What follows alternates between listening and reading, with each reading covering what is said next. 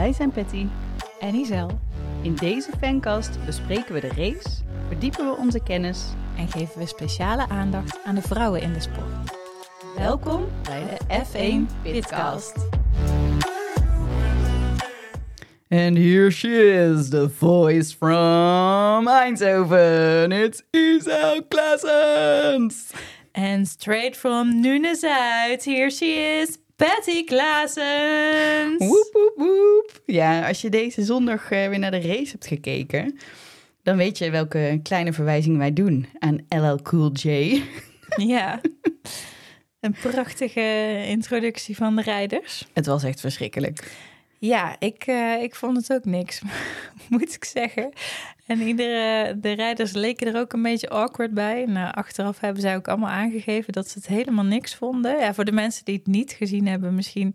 Ze moesten dus allemaal één voor één uit een soort ja, spelerstunnel, zeg maar, Ja. komen. Die gewoon op het circuit neer was gezet voor de startgrid, zeg maar. Ja, met een keiharde rookmachine die echt rook schoot op hun gezichten. En dan werden ze dus aangekondigd door eh, LL Cool Eh, nou, op de manier zo- zoals wij dat net deden. Met een paar zinnen. Er stonden heel veel cheerleaders omheen. Ja, en een orkestje onder leiding van dirigent Will I Am van de Black Eyed. Peas. En wat ik me dan altijd afvraag, zouden die muzikanten nou echt spelen of playbacken die? En als ze playbacken, zijn het dan echte muzikanten of zijn het gewoon acteurs die doen alsof ze muziek spelen? Ik vind dit hele goede vragen. Want een orkestje daar zo neerzetten voor zo'n korte tijd. Ja, het was echt een van de voorbeelden van de Plastic Fantastic van dit weekend. Want het was wel op en top show. Ja, Ja, nabeschouwing. Ja, toch nog even doorgaan misschien op deze, deze rijdersparade. Want Alonso, die eh, vond ik wel mooi. Die heeft achteraf nog gezegd van ja, als we dat hier doen, moeten we dat overal doen. Want Ja. de fans in Japan en Mexico, dus zijn Mm. net zo goede fans als de Amerikanen. Dus Ja. die verdienen dan ook zo'n show. je moet geen uitzondering maken. Nee, maar Lando Norris zei ja, alle coureurs vonden dit verschrikkelijk. Ja, Alleen Lewis Hamilton, die was wel... eh, ja, ze proberen gewoon nieuwe dingen uit. En eh, ik ben er wel eh, voor. Er was ook de enige die interactie had met LL Cool J. De rest liep er gewoon langs af. Van, Het was ook echt tien minuten voor het begin van de race. Ik kan me voorstellen dat je iets anders aan je hoofd hebt. Ja, je wil gewoon even- in je zoon zijn. Je wil even focus. Ja. Nee, echt, dit hoeven ze van mij nergens te herhalen. Ook volgend jaar in de Miami niet. Het was ook weer een hele drukke grid, hè? eh, Heel veel eh, sterren. heel, en dan- die willen dan niks zeggen. Dus die willen dan niet geïnterviewd worden. Die willen alleen maar over, de, Er over, ja, over die grid lopen en zwaaien. En Ja. heel vreemd. Ik begreep uit het commentaar dat ze vorig jaar ook allemaal heel snel na de start al de, het vliegtuig pakten. dus Oh, dat niemand het einde van de race heeft gezien. Oh, jezus. Bizar, hè? ja. Nou, het was wel weer in zover een rustig weekend. Er was gewoon vrije training op vrijdag en zaterdagochtend, kwalificatie en een race. Mhm. Beviel mij weer goed. Ik ook. Ik vind een kwalificatie kijken eigenlijk super spannend. Ja. Merk ik nu. Ja. Eerst deed ik dat dus nooit. Maar het is misschien soms nog wel spannender dan een race. Of een sprintrace. Dat zei Henny laatst nog, eh, die ik sprak, een van eh, onze eh oldschool vrienden van vroeger. Die, die zei inderdaad, ja, nou moet Isel toch wel een keer eerder gaan kijken dan de laatste tien minuten. Ja, maar dat doe je ik dus. Dat doe ik nu ook heel trouw. En dat vind ik echt leuk, Ja. moet ik zeggen. En het was dit weekend ook weer spannend. Ja, zeker. Ik vond eh, vooral aan het begin, het was best wel hectisch. Volgens mij iedereen was bang van er gaat ergens wel een keer iemand de muur in. Er komt misschien wel een code rood. Op een gegeven moment kwam eh, Leclerc bij zijn eh, team over de boordradio in eh, Q1. En toen zei hij, ik wil helemaal niet mijn tijd en positie weten. Ik wil alleen maar horen wie er achter mij rijden op de baan. Omdat er zoveel verkeer was. Vond ik heel opvallend. Dat hij alleen nog maar focus genoeg had. Super gestrest. Ja. Ja. Ehm, was, was hij het ook die bijna zo in de muur reed? Of was dat Sainz? Eh, dat durf ik niet meer te zeggen. Ja, nee, ik heb ook opgezet Ferrari die bijna zo in de muur reed. Maar dat was natuurlijk één van hun. Ja, Ehm, ja, nog een gek momentje hè, met Hamilton, die, eh, die bijna achterop Magnussen was, het, Ja. geloof ik, hè? Reed. En jij zei net van hij was met zijn stuur bezig. Ja, dat was het verhaal dat Hamilton waarschijnlijk op zijn stuur iets aan het instellen was en dus niet goed voor zich aan het kijken was. En zij waren allebei nog niet in een snelle ronde, dus ze waren allebei gewoon een gaatje eigenlijk, of nou ja, vooral Magnus was een gaatje aan het creëren om een snelle ronde te kunnen rijden. En dat had Hamilton dus gewoon moeten zien, maar hij kon nog net op tijd behoorlijk in de ankers met op zijn remmen. En rechts er voorbij. Maar nou, het scheelde echt niks tussen de muur, Hamilton en Magnussen.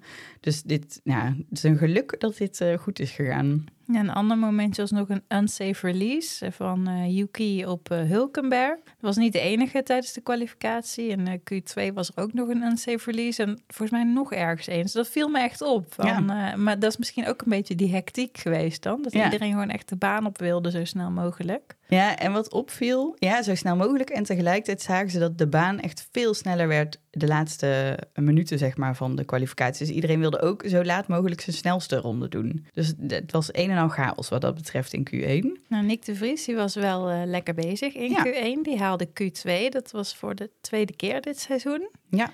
Um, wat nou ik ja. heel pijnlijk vond.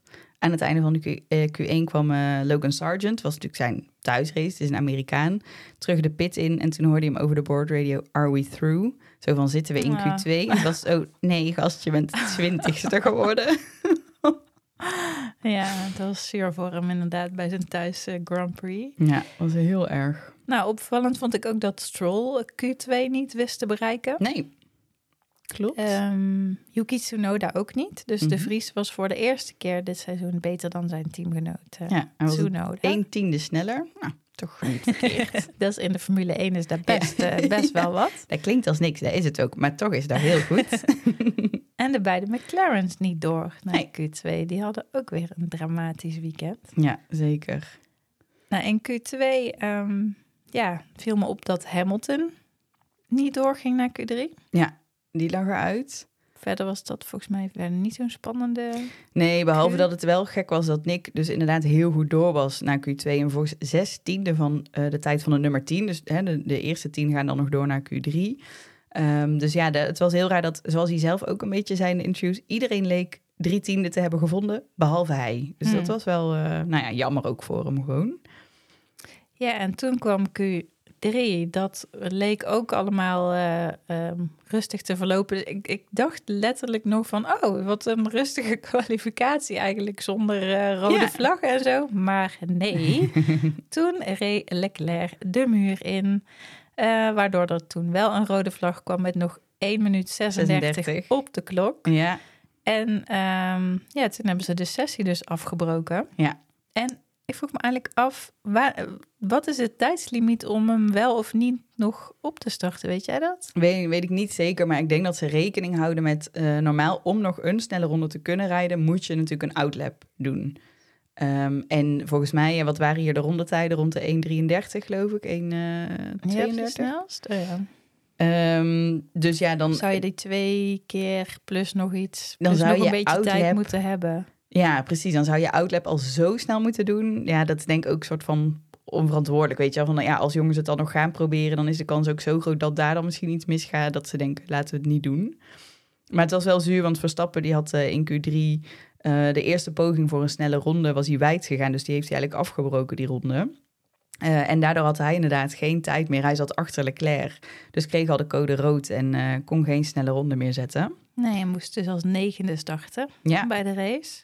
Ehm Leclerc ook pakte- zevende. Dus Ah, ja. ja. die, had ook geen, eh, die heeft zichzelf er ook geen goed mee gedaan. Perez had wel al zijn snelle ronde Ja. gereden, dus die heeft pol gepakt. En opvallend was Kevin Magnussen op de vierde plek. Zeker. En Met mazzel natuurlijk, maar alsnog ook goed gedaan. Het was een lucky shot, maar goed, eh, inderdaad, hè, je moet die tijd toch maar hebben weten te zetten een keer. En heel grappig, het waren dus drie Spaanstalige heren op de eh, Ja. eerste drie plekken. En volgens mij ook een beetje drie generatie coureurs. Zo Alonso de oudste natuurlijk. Mhm. Eh, volgens mij is Perez wel echt wat langer al bezig dan Sainz, als ik het Ja, goed zeg. En dan Sainz van die drie nog een beetje de rookie. Ja, nou Ja. rookie, jonkie. Jonkie. nou, toen begon de zondag met die prachtige introductie. Ja. Die ik trouwens eh, heel kort met eh, een shout-out naar Farah heb gekeken. Die kende alle influencers. Die zat bij Oh, ja? celebs ook. Oh, die ken ik. ik zei, ik niet.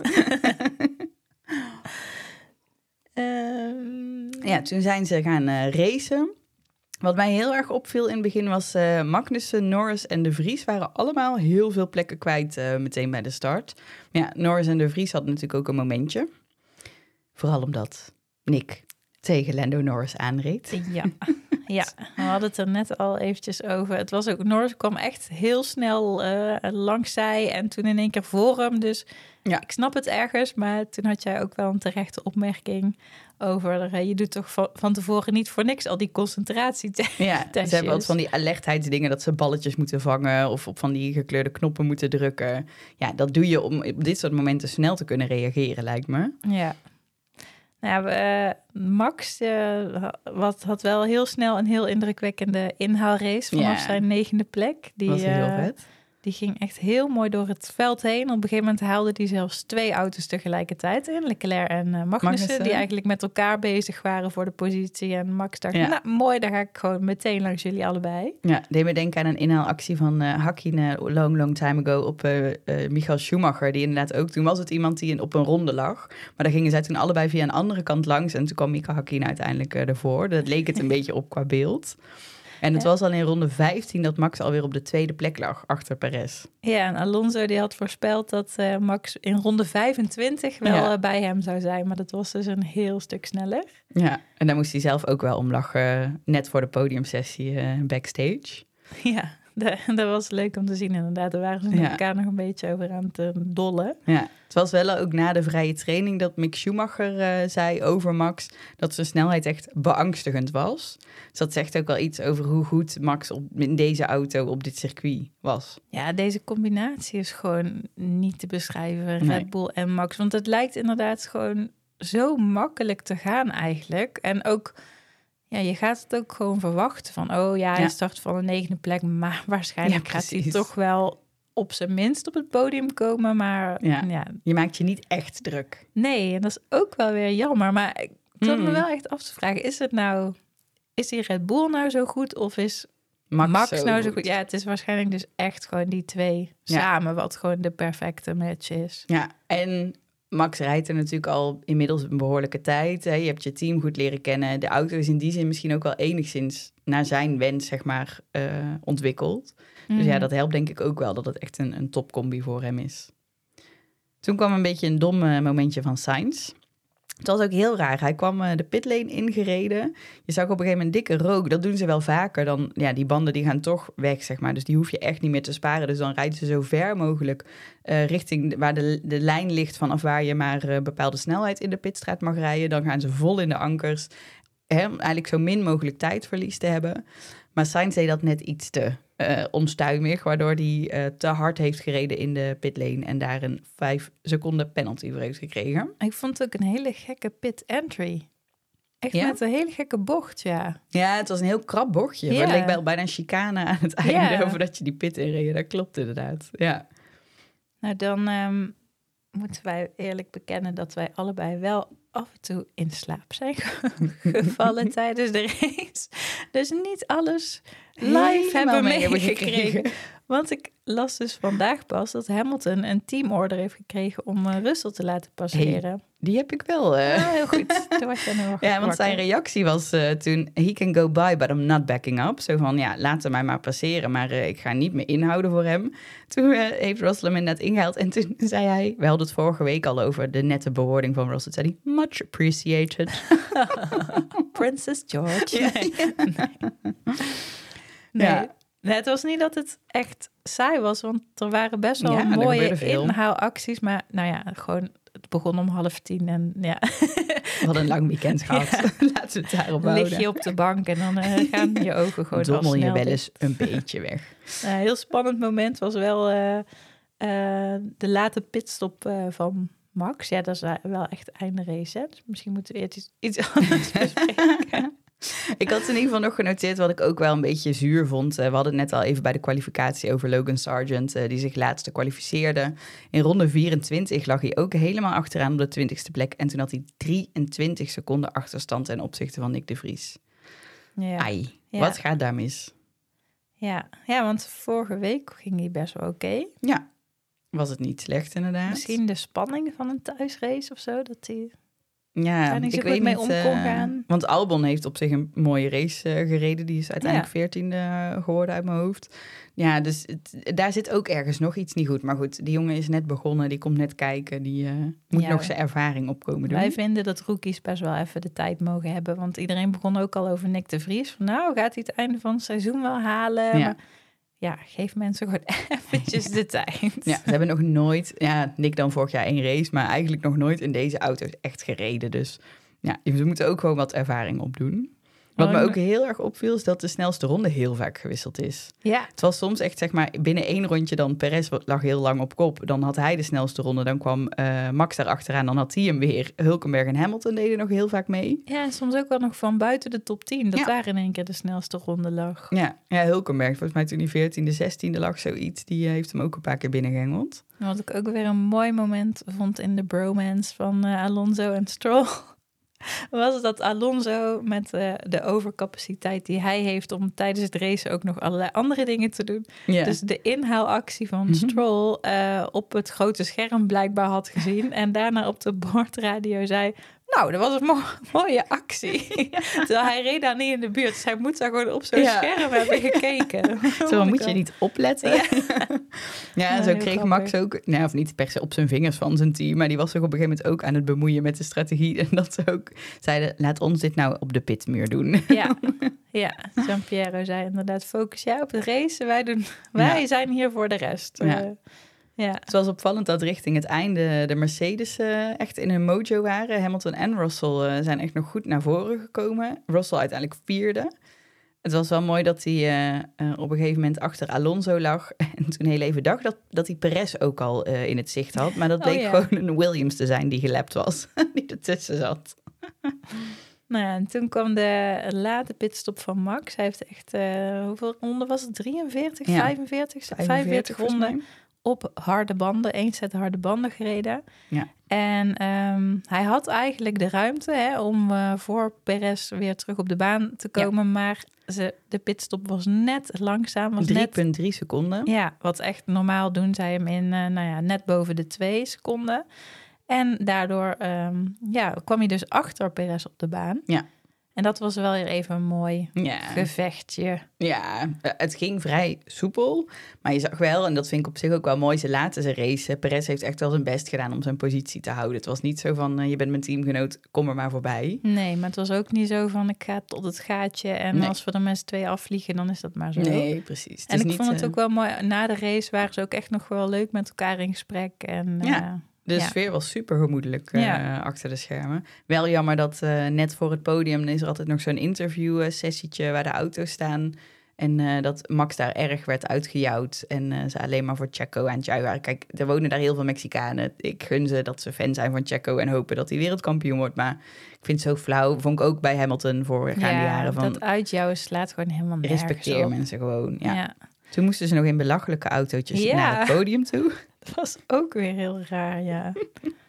ja, ze proberen er echt eh, alles aan om er een enorme show van te maken. Maar dat voelt ook allemaal zo neppig en onnatuurlijk. Ja.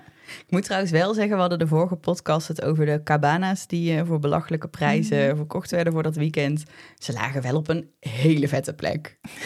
Met een zwembad erbij. Ja, ja. Het lag echt midden in een langzame bocht. En dan in de binnenkant van de bocht waren allemaal cabana's. Ja, daar had ik op zich ook wel de race willen kijken.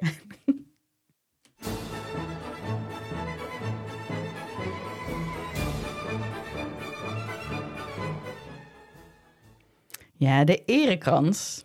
Ja, Max heeft eh, dit, eh, deze race zijn 38ste overwinning gehaald. Hij staat nou gelijk met Sebastian Vettel. ja, na een heel indrukwekkende inhaalrace die dus ook heel soepel lijkt te gaan. Maar alsnog, als je er echt over nadenkt, super knap is natuurlijk. Maar toch Ja, gaat de van ons niet erekrans naar iemand anders. Ehm, naar Kevin Magnussen. Ja. Die zich als eh, vierde kwalificeerde Super in vet. een haas. Wat gewoon, ondanks dat het niet helemaal Mhm. puur op eh, eigen kracht eh, was, ehm, toch heel knap is. Mhm. Want het is ook een soort van goede timing of zo, hè, Ja. dat je dan die snelle ronde al gereden hebt. En hij heeft een punt gehaald. En eigenlijk wat een beetje ook een van de thuisraces van Haas is. Want Haas is ook een uh, Amerikaans, of hij heeft een Amerikaanse eigenaar. Dus ja, we gunnen het hem. Yeah, what was Leclerc doing this weekend? Ja, voor the second time in a row. ja. ja. want de vorige keer reed hij hem in de muur tijdens de kwalificatie. En dit keer reed hij hem in de muur tijdens de kwalificatie. Heel knap. En waar Max uh, als een uh, mes door warme boter ging uh, met het inhalen, is hij rondelang achter Magnussen blijven hangen. Hij was gewoon nergens te bekennen de halve race. Gewoon, hij zat gewoon in het middenveld. En nou ja, het was geen goede race. F1 voor dummies. Ja, soms zijn uh, dingen geen toeval. We hadden voor deze race of voor deze podcast eigenlijk al gekozen uh, als begrip het helmdesign. Maar ja, Miami was daar ook wel in zoverre de uitgelezen race voor uh, dat er een hoop bijzondere designs ook voorbij zijn gekomen dit weekend. Nou, die gaan we zo bespreken. Nog even over Red Bull. Die zou dus met een, of ja, die is met een speciale livery, ja. dus de buitenkant van de auto, de, van de auto gekomen. En die mocht door een fan worden ontworpen. Dus dat was een wedstrijdje en zo. En uh, nou, het was eigenlijk weer hetzelfde als bij uh, de seizoensopening. Dat mhm. mensen daar uh, met smacht op zaten te wachten. En er waren ook echt wel leuke ontwerpen gemaakt. En Mhm. dan komen ze uiteindelijk met een ontwerp, ja, met een paarse en een blauwe streep erbij. Ja. Dus mensen waren weer eh, lekker teleurgesteld. Wel heel vet. Het was een vrouwelijke ontwerpster, Martina Adriano. Ja, fan eigenlijk en niet per se ontwerpster. En die mocht wel aanwezig zijn in de pitbox dit weekend. Dat vond ik dan wel weer een coole actie.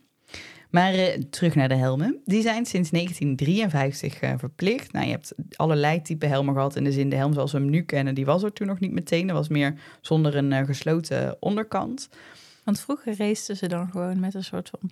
Zo'n petje, zeg, een pilotenpetje Ja. met een bril inderdaad. Ja, Ja. echt bizar. En eh, nou, je hebt een paar echt grote eh, producenten. Schubert is op dit moment een hele grote, maar je hebt ook Stilo, Arai en Bell. De, ja, dat zie je heel vaak zo op de onderkant van de visor staan van het vizier eh, van welk merk de, de helm is.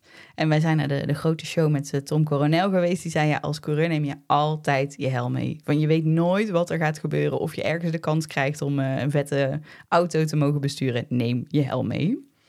En eh, ja, het is eigenlijk hetgeen waaraan je de coureur herkent. Dus het is lang ook de regel geweest dat je die niet te vaak eh, mocht switchen. Maar daar is de VIA van teruggekomen. Dus nu mag je in principe eh, gedurende het seizoen... zou je in theorie iedere race een andere helm op mogen hebben. Maar dat doen de meesten niet, want eigenlijk vindt iedereen wel dat het leuk is... om het een beetje herkenbaar te houden. Of je maakt toch een persoonlijk design daarvan. Er zijn er dit jaar heel veel die met de vlag van hun land ergens in, verwerkt in de helmen races. Nou ja, eh Perez heeft eh, eh, wat Mexicaanse vlag-invloeden erbij. Sargent heeft de Amerikaanse vlag bovenop. Sainz echt de kleuren van de, de Spaanse vlag, geel met rood.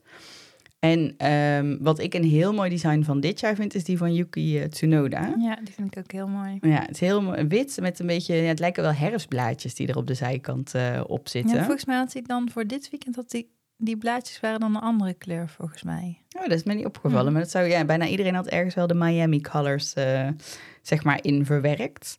Ehm, nou ja, Max die had eigenlijk zijn eigen helm, maar dan letterlijk ook in die Miami colors van eh, dat blauw, turquoise, roze.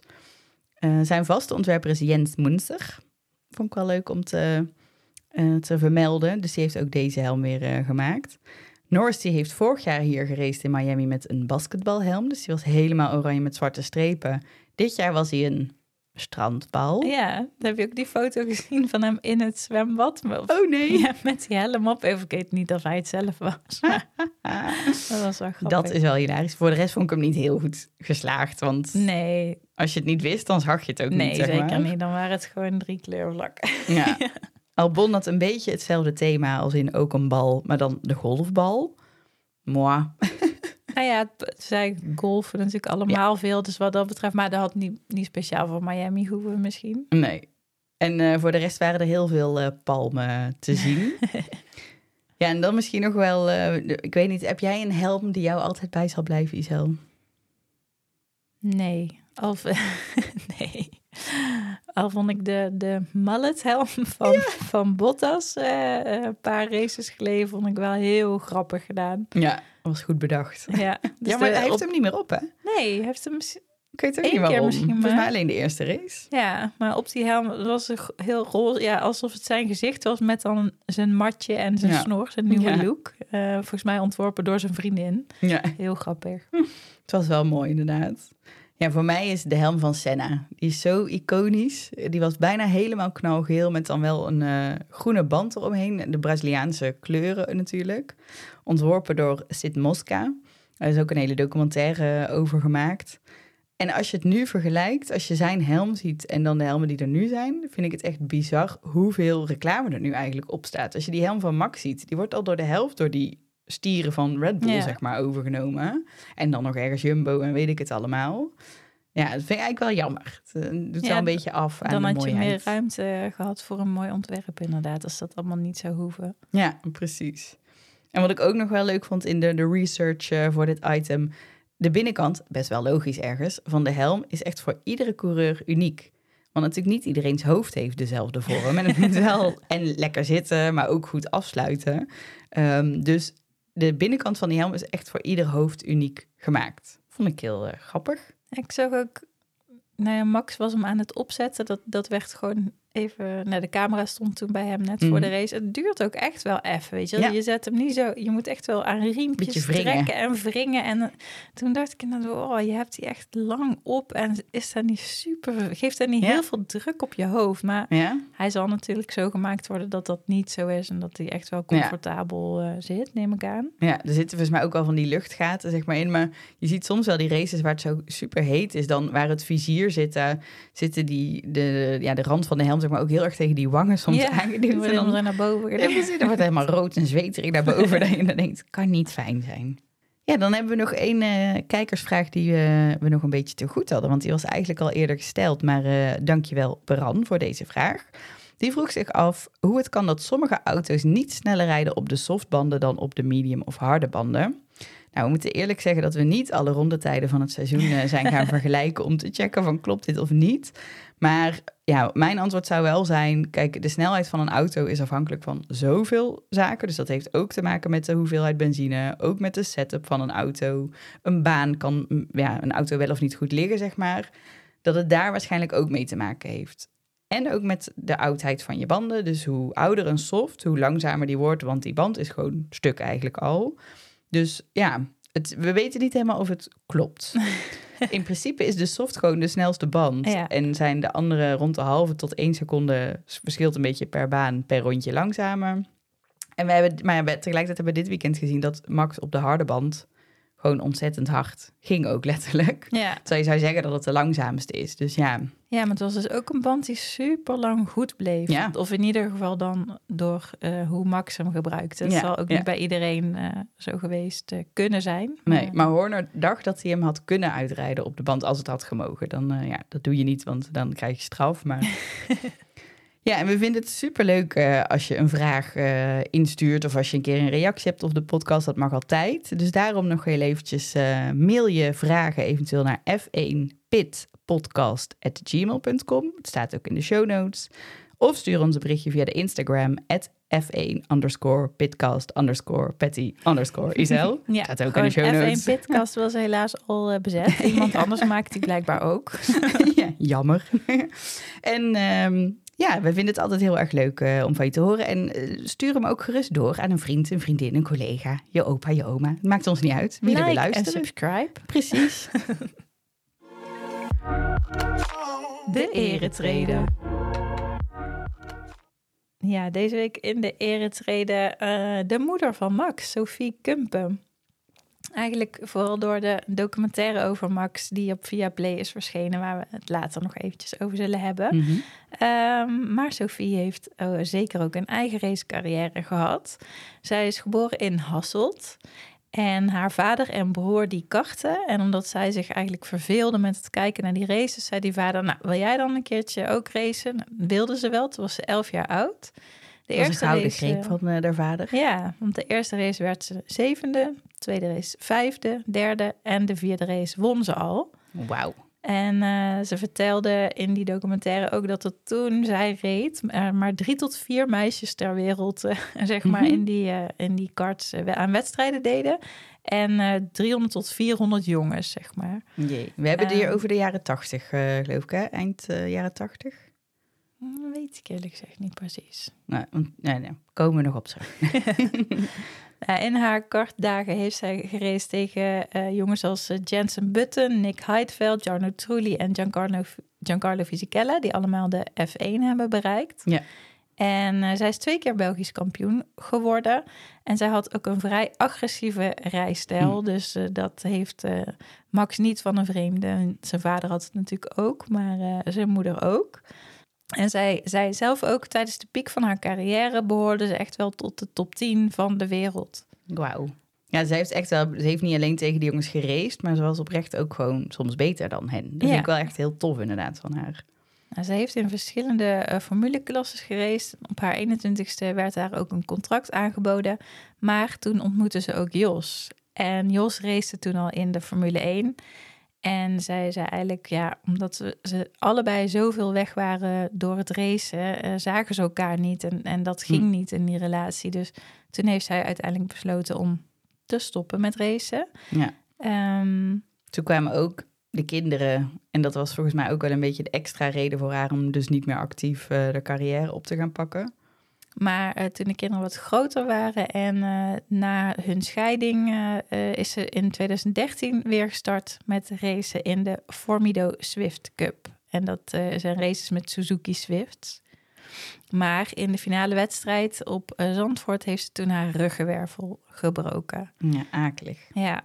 Nou ja, wat ik verder nog een mooi dingetje vond, wat, wat ook in die documentaire terugkwam, was dat zij voor elke race die Max rijdt, naar de kerk gaat en daar een kaarsje aansteekt en dan een fotootje naar Max stuurt. Dus ze hebben zo'n mooi ritueeltje Ja, eh, samen. bijzonder.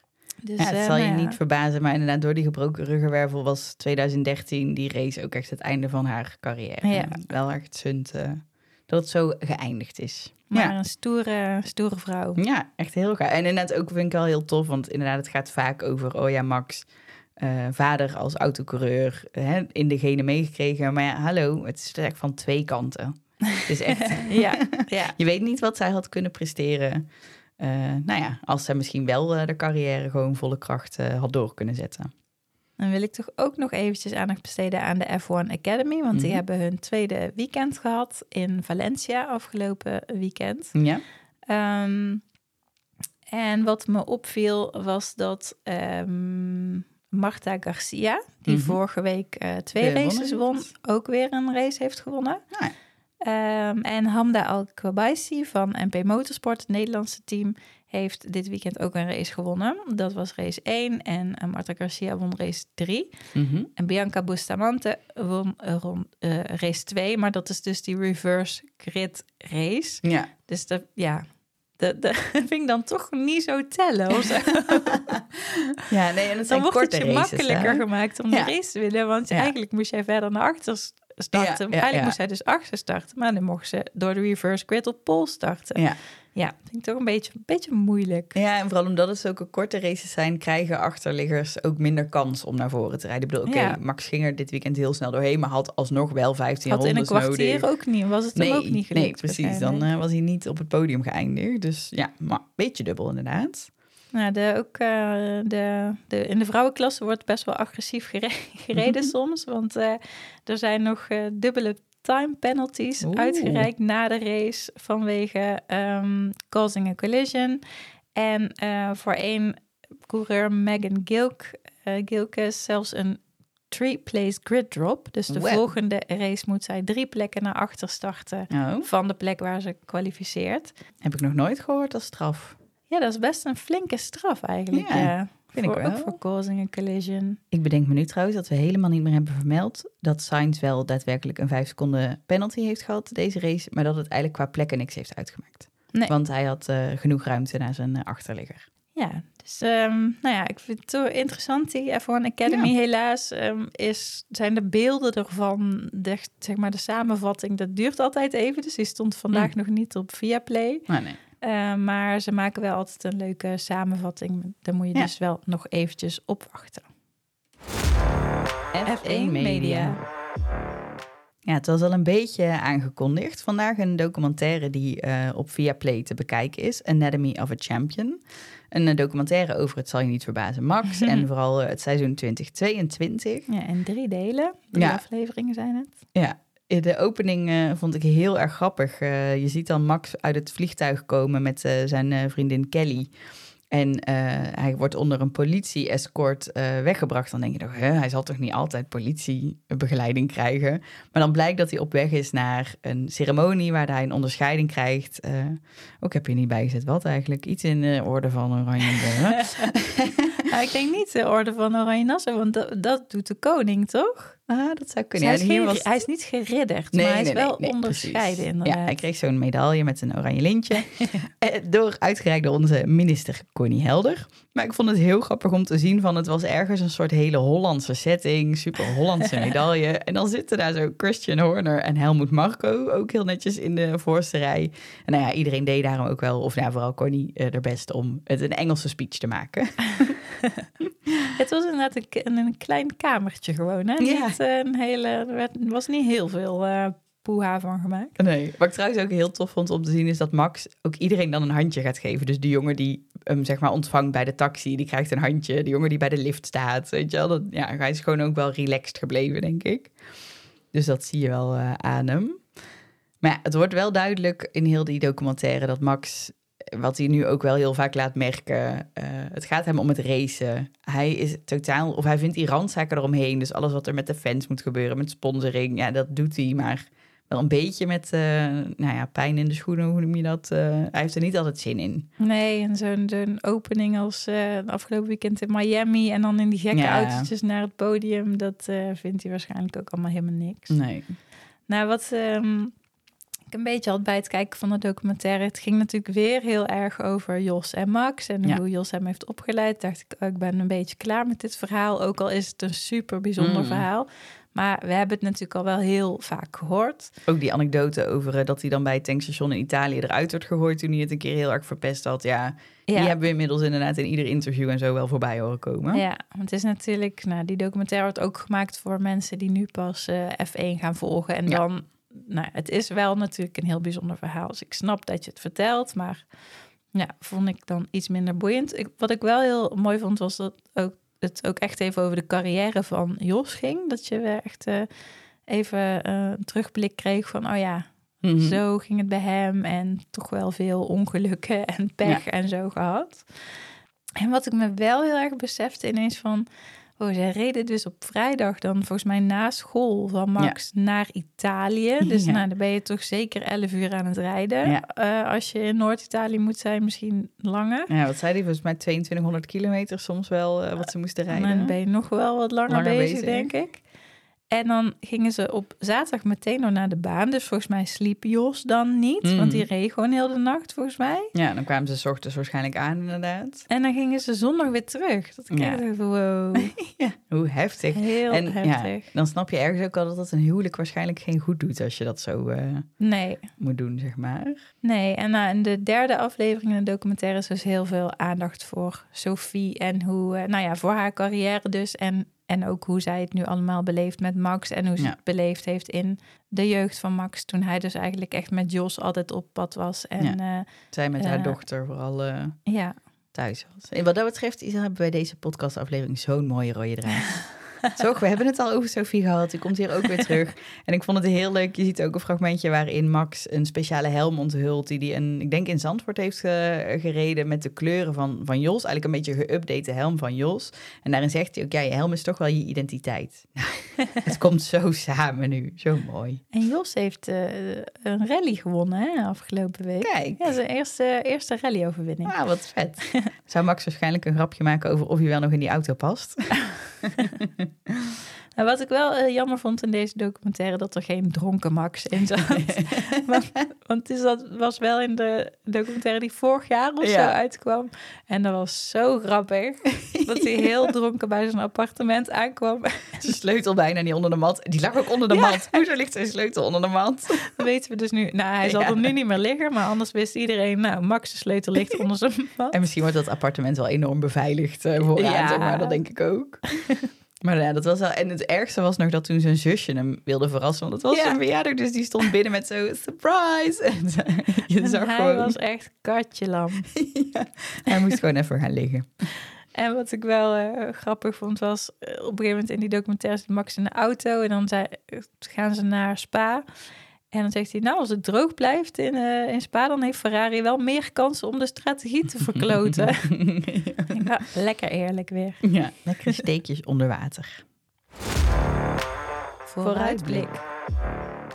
Ja, eh, we moeten weer eventjes wachten, twee weken. En dan eh, is de Grand Prix in Italië, de, eh, in de streek Emilia-Romagna. Dus de Grand Ja. Prix van Emilia-Romagna. Ehm, We moeten het- dan even wachten, maar dan zijn het vervolgens drie races achter elkaar. Ja, Dus het is de start van de triple header, zoals ze dat noemen. ja, dan komen inderdaad deze race en Monaco en Barcelona meteen achter elkaar. Ja. Maar de Grand Prix van Emilia-Romagna is in Imola, het plaatsje Imola.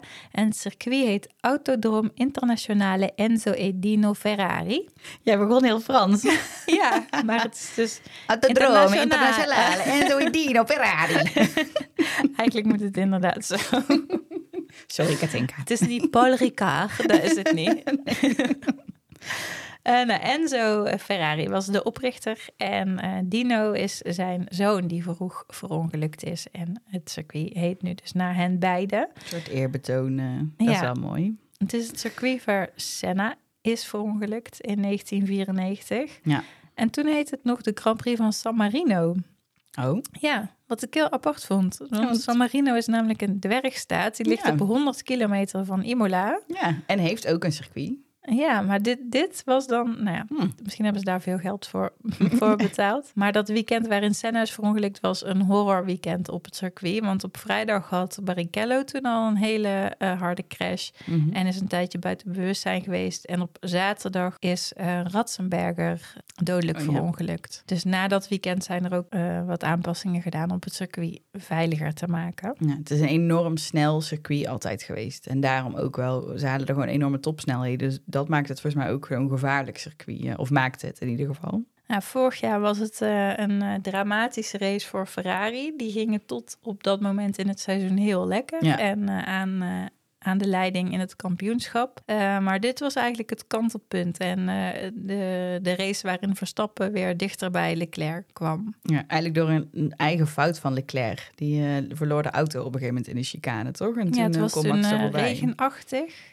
En toen inderdaad maakte. Leclerc een fout. En het is Ja. dus de eerste van die drie races eh, allemaal in Europa. En het leuke daaraan is wel dat het vaak het moment is dat de teams met de echte grotere updates komen voor het eerst. Volgens mij heeft dat een beetje te maken met dat het dicht bij de fabriek is. Hoewel je zou denken, ja, maakt niet heel veel uit. Maar volgens mij is dat logistiek gewoon makkelijker om dan naar een Europees circuit een grote update eh, mee te nemen. Dus we gaan zien eh, waar de teams mee gaan komen en wie dat iets gaat brengen. Ja, We hebben er zin in. ja tot over twee weken weer. Tot dan.